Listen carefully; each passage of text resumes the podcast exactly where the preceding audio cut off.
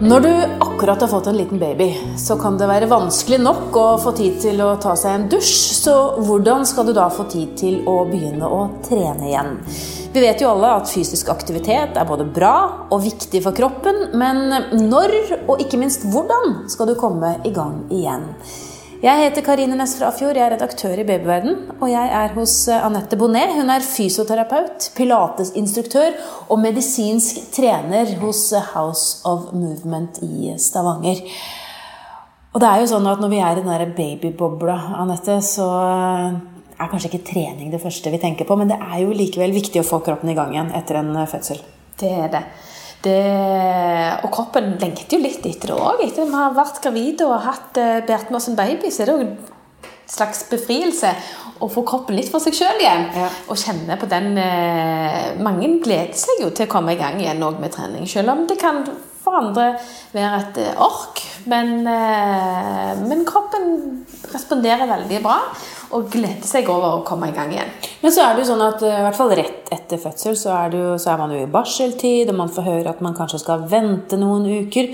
Hva tenker du man skal gjøre når man kommer hjem eh, etter fødsel med babyen? Når en kjenner at en er klar for det og har overskudd til det, så er det viktig å begynne med å få kontakt med og styrke bekkenbåndsmuskulaturen sammen med dyp mage- og ryggmuskulatur. Sånn at en begynner Det liksom grunnmuren i kroppen sånn, uh, som en begynner med. Og så bygger en videre på kroppen deretter. Og det kan en begynne med ganske, ganske tidlig. At en begynner når en er klar, begynner å jobbe med bekkenbånd. Tenker at en løfter inn og opp. Samtidig kjenner at en bruker magen. Gjerne òg sammen med pusten. At en kjenner en aktiviserer og kobler på disse musklene. Og etter hvert når en har kontroll på å koble dem på, gradvis gjør utfordringen større og større, og styrker gradvis mer og mer. Men hva tenker du helt konkret man skal gjøre da, når du sier 'koble på'? Hva betyr det når du er hjemme og liksom ikke helt har kommet i gang igjen og skal begynne? Det kan være at en eh, f.eks. sitter eller står eh, og kan godt legge en hånd på magen. Og så handler det i begynnelsen bare om å bruke musklene i samme pust. Når vi puster inn, så vil jo magen hvis en slapper helt av, vil de bare falle pent og vakkert utover. og når vi puster ut, så vil magen den vil synke litt innover. Og da bruker en den utpusten da, til å kanskje dra magen litt lenger inn, og samtidig òg koble på bekkenbånd, som er gulvet.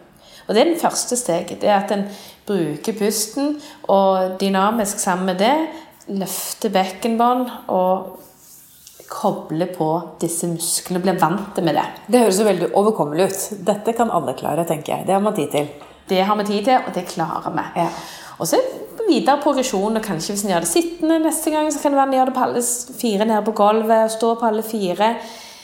Av og til kaller jeg det for sånn litt sånn catch and release-øvelse. Si at du står på alle fire på gulvet og slipper å slappe helt av i magen. Igjen så vil magen falle pent ned. Og da kjenne at vi klarer å på en måte plukke opp magen og fange opp magen. Som en type aktiviserings- og påkoblingsøvelse. Sånn at etter hvert når kroppen blir klar for enda mer trening, så har vi kontroll på de helt grunnleggende musklene våre. Ja, hvorfor er disse så viktige? De er viktige fordi at eh, i hverdagen når vi beveger oss, og hvis vi har andre typer trening og når vi beveger kroppen i hverdagen, så øker jo buktrykket når vi f.eks. løfter noe. Mm. Og Da er det viktig at eh, bekkenbånd og magemusklene er sterke nok, sånn at eh, hvis vi får øka buktrykk, eller hoste eller nyse for den saks skyld, at bekkenbånd og mage klarer å stå imot og er sterke nok, sånn at vi f.eks. ikke tisser på oss, og, øh, og at magen ikke klarer å holde det Eh, kontrollen på det. Mm. Men så vil man gjerne komme enda litt mer i form, for man har jo hatt noen uker og måneder på slutten av svangerskapet hvor man har vært ganske tung. Mm. I hvert fall uh, de fleste. Mm. uh, hvordan skal man gradvis begynne? For vi, jo, vi hører jo alle om denne seksukersregelen. Mm. Hva, hva tenker du rundt det? Jeg tenker at Eh, den seksukersregelen det er jo at da skal en ha tid til å være hjemme med babyen og bli kjent med babyen og begynne å komme i gang med det. men de som er klar, de kan godt begynne med litt bevegelse. Det kan, men det kan bare være enkle ting som å gå turer. Det er bare gjøre litt bevegelse og gjøre noen eh, enkle øvelser. Når en er klar for det, mm. så er, går det greit òg å begynne eh, så smått. Med sånn enkelt stå-på-alle fire-øvelser. Eh, hvis en kjenner for det. Mm. Hvilket tempo bør man ha da, tenker du, for å liksom komme progresjon i treninga? For å komme liksom tilbake til der man kanskje var? Mm. Hvis en ser for seg under graviditeten, så vil en eh, i løpet av de siste ukene i svangerskapet så vil det kanskje være naturlig at en har lavere aktivitetsnivå. På den samme måten bygge opp aktivitetsnivået etter graviditeten. At en begynner med å koble på disse musklene. Etter hvert jobbe mer utfordrende øvelser. Legge til mer utfordrende øvelser. Eh, mer eh, tyngre øvelser, flere repetisjoner.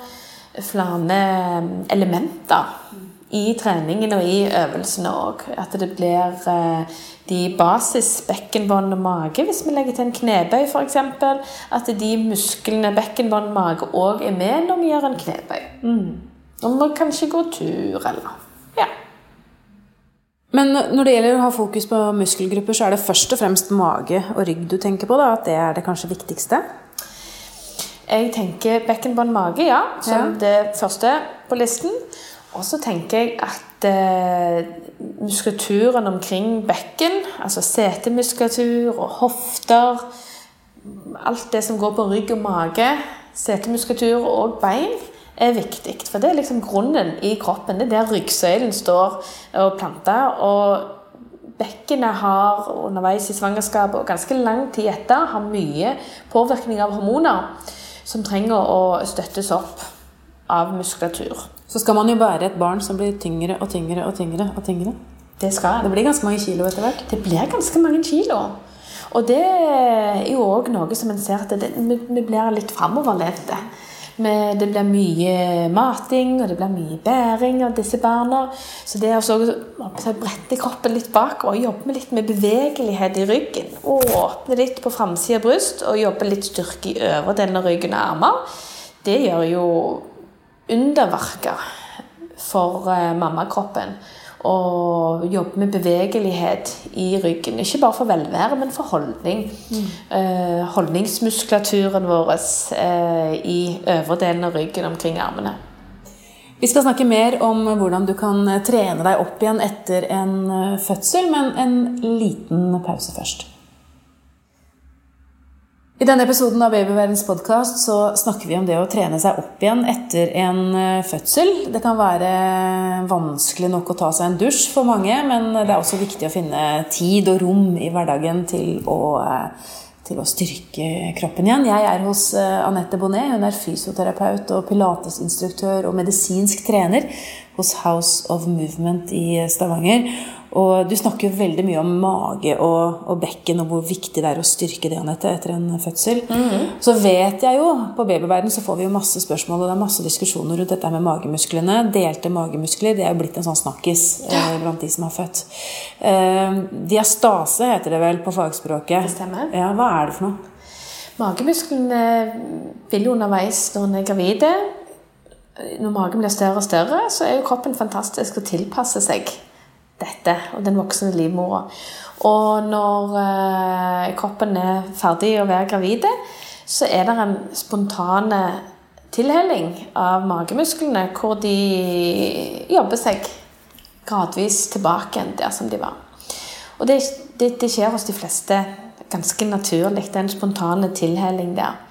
Eh, hvor det hos andre kanskje det blir værende et lite mellomrom imellom magemusklene. Er det dette man er så opptatt av? da, eller dette mellomrommet? Og det er det som mellomrommet som en er veldig opptatt av. Eh, og eh, det som egentlig viktigste i forhold til det med funksjonen av mage og bekkenbåndsmuskulaturen i denne sammenheng, det er jo funksjonen. At eh, bekkenbånd, mage og disse musklene fungerer, er det viktigere enn bare selve avstanden.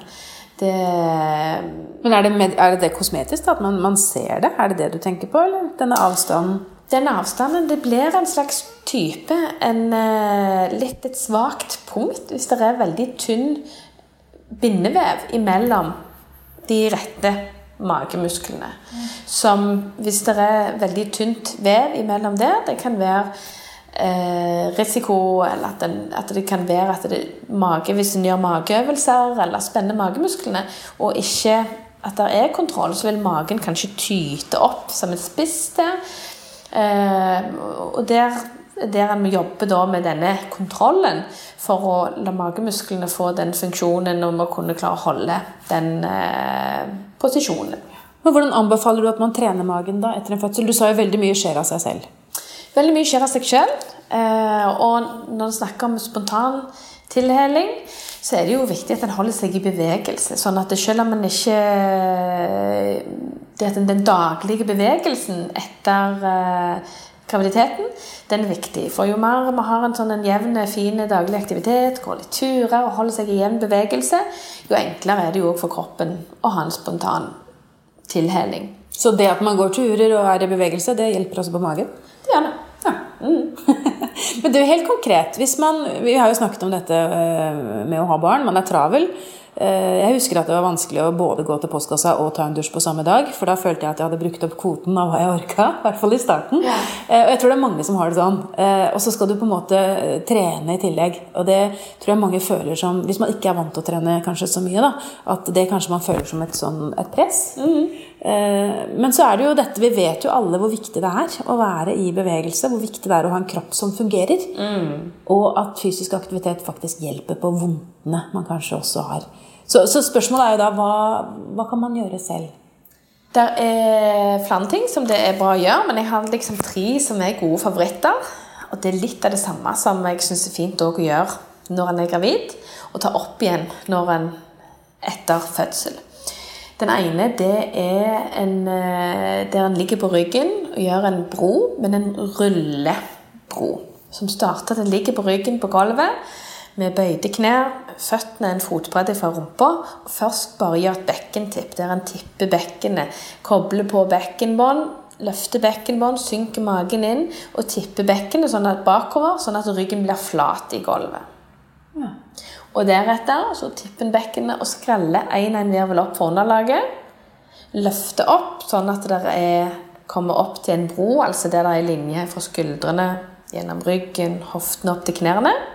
Og så ruller en tilbake igjen fra hele ryggen og ruller en en virvel ned. Så ruller opp og ned gjennom ryggen, så vil en både få en, sånn en slags type forlengelse og strekk av ryggmuskulaturen på baksiden. Det trenger vi. Og en vil få en god kobling samtidig av bekkenbåndsmuskulatur og mage. Dette hører jeg er en litt sånn sakte bevegelse, er det det? Vi skal ikke gjøre det så fort? Det er fint å gjøre med litt rolig tempo. For det, der starter en med å koble på bekkenbånd. Tenk en skal dra halebein litt inn under seg og koble på bekkenbånd. Og tenke den der én og én virvel opp. Og det er helt riktig. Da er det fint å gjøre det litt rolig tempo. Sånn at en når så kjenner etter at en får med alle disse elementene. Hvor mange ganger vil du at vi skal gjøre det, da? Å rulle opp og ned, da vil jeg gjort ca. åtte. Og deretter så ville jeg eh, gjort nesten det samme, men istedenfor å rulle opp og ned, senke rett ned og løfte rett opp. Er rett og slett et bekkenløft. Da er det mer fokus ikke bare på ryggen og magen og kobling, men det å styrke setemuskulatur og baksiden av lårene. Mm.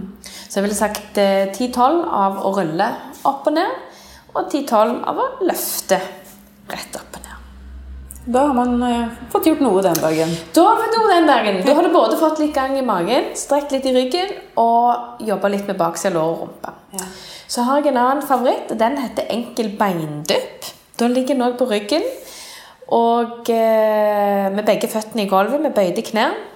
Og Da starter en egentlig bare med å kjenne at en kobler på bekkenbånd og mage. Sørger for at magen ikke, når en gjør disse øvelsene, ikke popper opp. En prøver å holde de til å jobbe nede og dypt. Først så bygg løften én fot opp fra gulvet og tilbake igjen, og så annenhver fot. Og Da målet å klare å løfte annenhver fot fra gulvet med minst mulig medbevegelse og vriksing av bekkenet fram og tilbake og sideveis. Da ligger en med ryggen i nøytral. Så det er en ganske sånn en lav low. Det er ikke noen sånn rock'n'roll-trening. Da er det ganske eh, enkel og lett belastning, og så kan en bygge videre etter hvert. Men når du løfter beinet, da skal det være strakt, eller løfter du det bare rett opp? Vinkelen i kne kan være konstant hele veien. Sånn at du, når du løfter foten, så er det 90 grader i vinkel når kneet kommer opp, og når du kommer ned. Og Så kan du etter hvert løfte én fot opp og den andre fot opp. Og så kan du gjøre det litt tyngre for deg sjøl etter hvert som du kjenner at du får bedre kontroll. Så kan du løfte opp én fot i 90 grader, 90 grader i kne, hofteledd. Så kan du skru på enda litt mer magemuskulatur, og så løfte fot nummer to opp. Så du har to føtter opp i luften, og så kan én og én fot komme tilbake igjen til gulvet. Så det er en type måte det kan å progrediere øvelsen på. En starter ganske lav belastning, rolig tempo, og så kan det etter hvert jobbe mer og mer eh, utfordrende. Og her ser jeg for meg at man kan ligge på gulvet med babyen ved siden av seg. Perfekt. Ikke sant? Helt perfekt. Ja. For det er jo sånn at eh, vi har jo, vi er i permisjon, vi har jo tid, selv om det er travelt med en baby. Eh, og kanskje dette er tiden hvor man skal lage seg gode rutiner? Jeg tror at permisjonstiden det er, det er travelt. Og det er jo babyen som er i fokus og skal være i fokus. Men det er òg en supergyllen mulighet til å lage seg sjøl gode treningsvaner. Og det er en tidspunkt hvor kroppen har vært gjennom en graviditet og trenger og fortjener at vi fokuserer på å bygge opp en, eh, en god og sterk kropp som vi skal ha resten av livet. Det, det, det fortjener vi. Og det er det, er det viktig at vi setter litt på prioriteringslista. Et par minutter hver dag til oss sjøl, det, fortjener vi. Så det er en supergyllen mulighet å, å, lage gode treningsvaner for oss sjøl. Men hva er, din, hva er, ditt inntrykk av jeg si, den kvinnelige befolkningen som akkurat har fått barn? Er vi flinke til å trene og bevege oss, eller er vi liker vi å kose oss litt mye? Jeg tror at det er fort gjort å havne litt i kaffe og kanelbolle. Det er koselig, det òg, da. Det er godt, det òg. Kjempekoselig. Og jeg har jo selv, altså det, det, er kjempetrivelig. Så det er jo den balansen. da. Vi skal kose oss, vi skal nyte tiden, vi skal nyte babyen. Og vi skal kose oss med babyen og nyte den tiden.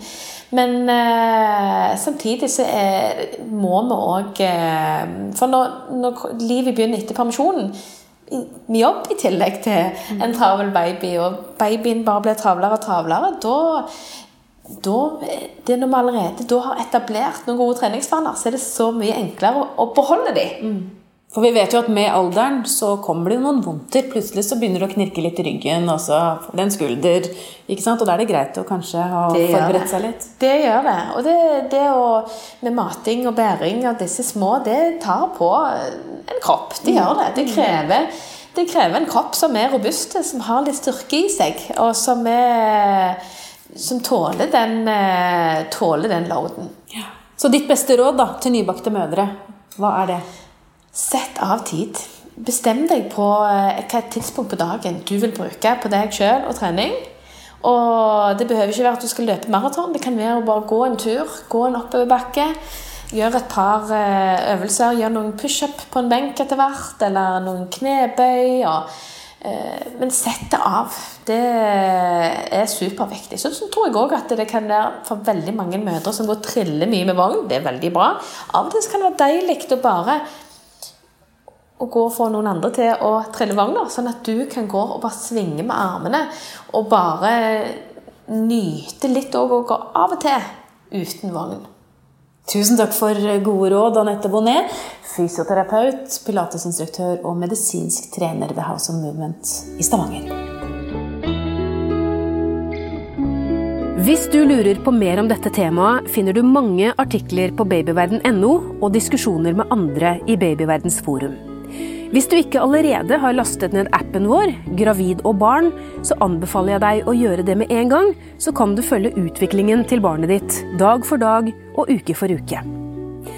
Siden du er opptatt av graviditet og barn, kan det også være lurt å abonnere på Babyverdens podkast, så får du nye episoder automatisk hver uke. Det er også vi som lager podkastserien Gravid uke for uke. Den bør du også få med deg hvis du har barn i magen. Har du kommentarer eller et tema du ønsker at vi skal belyse, så kan du sende en e-post til podkast at babyverden.no. Men husk at vi som lager denne podkasten er journalister og ikke helsepersonell. Så hvis du har medisinske spørsmål, må du ta kontakt med jordmor eller fastlegen din. Ha det godt til vi høres igjen.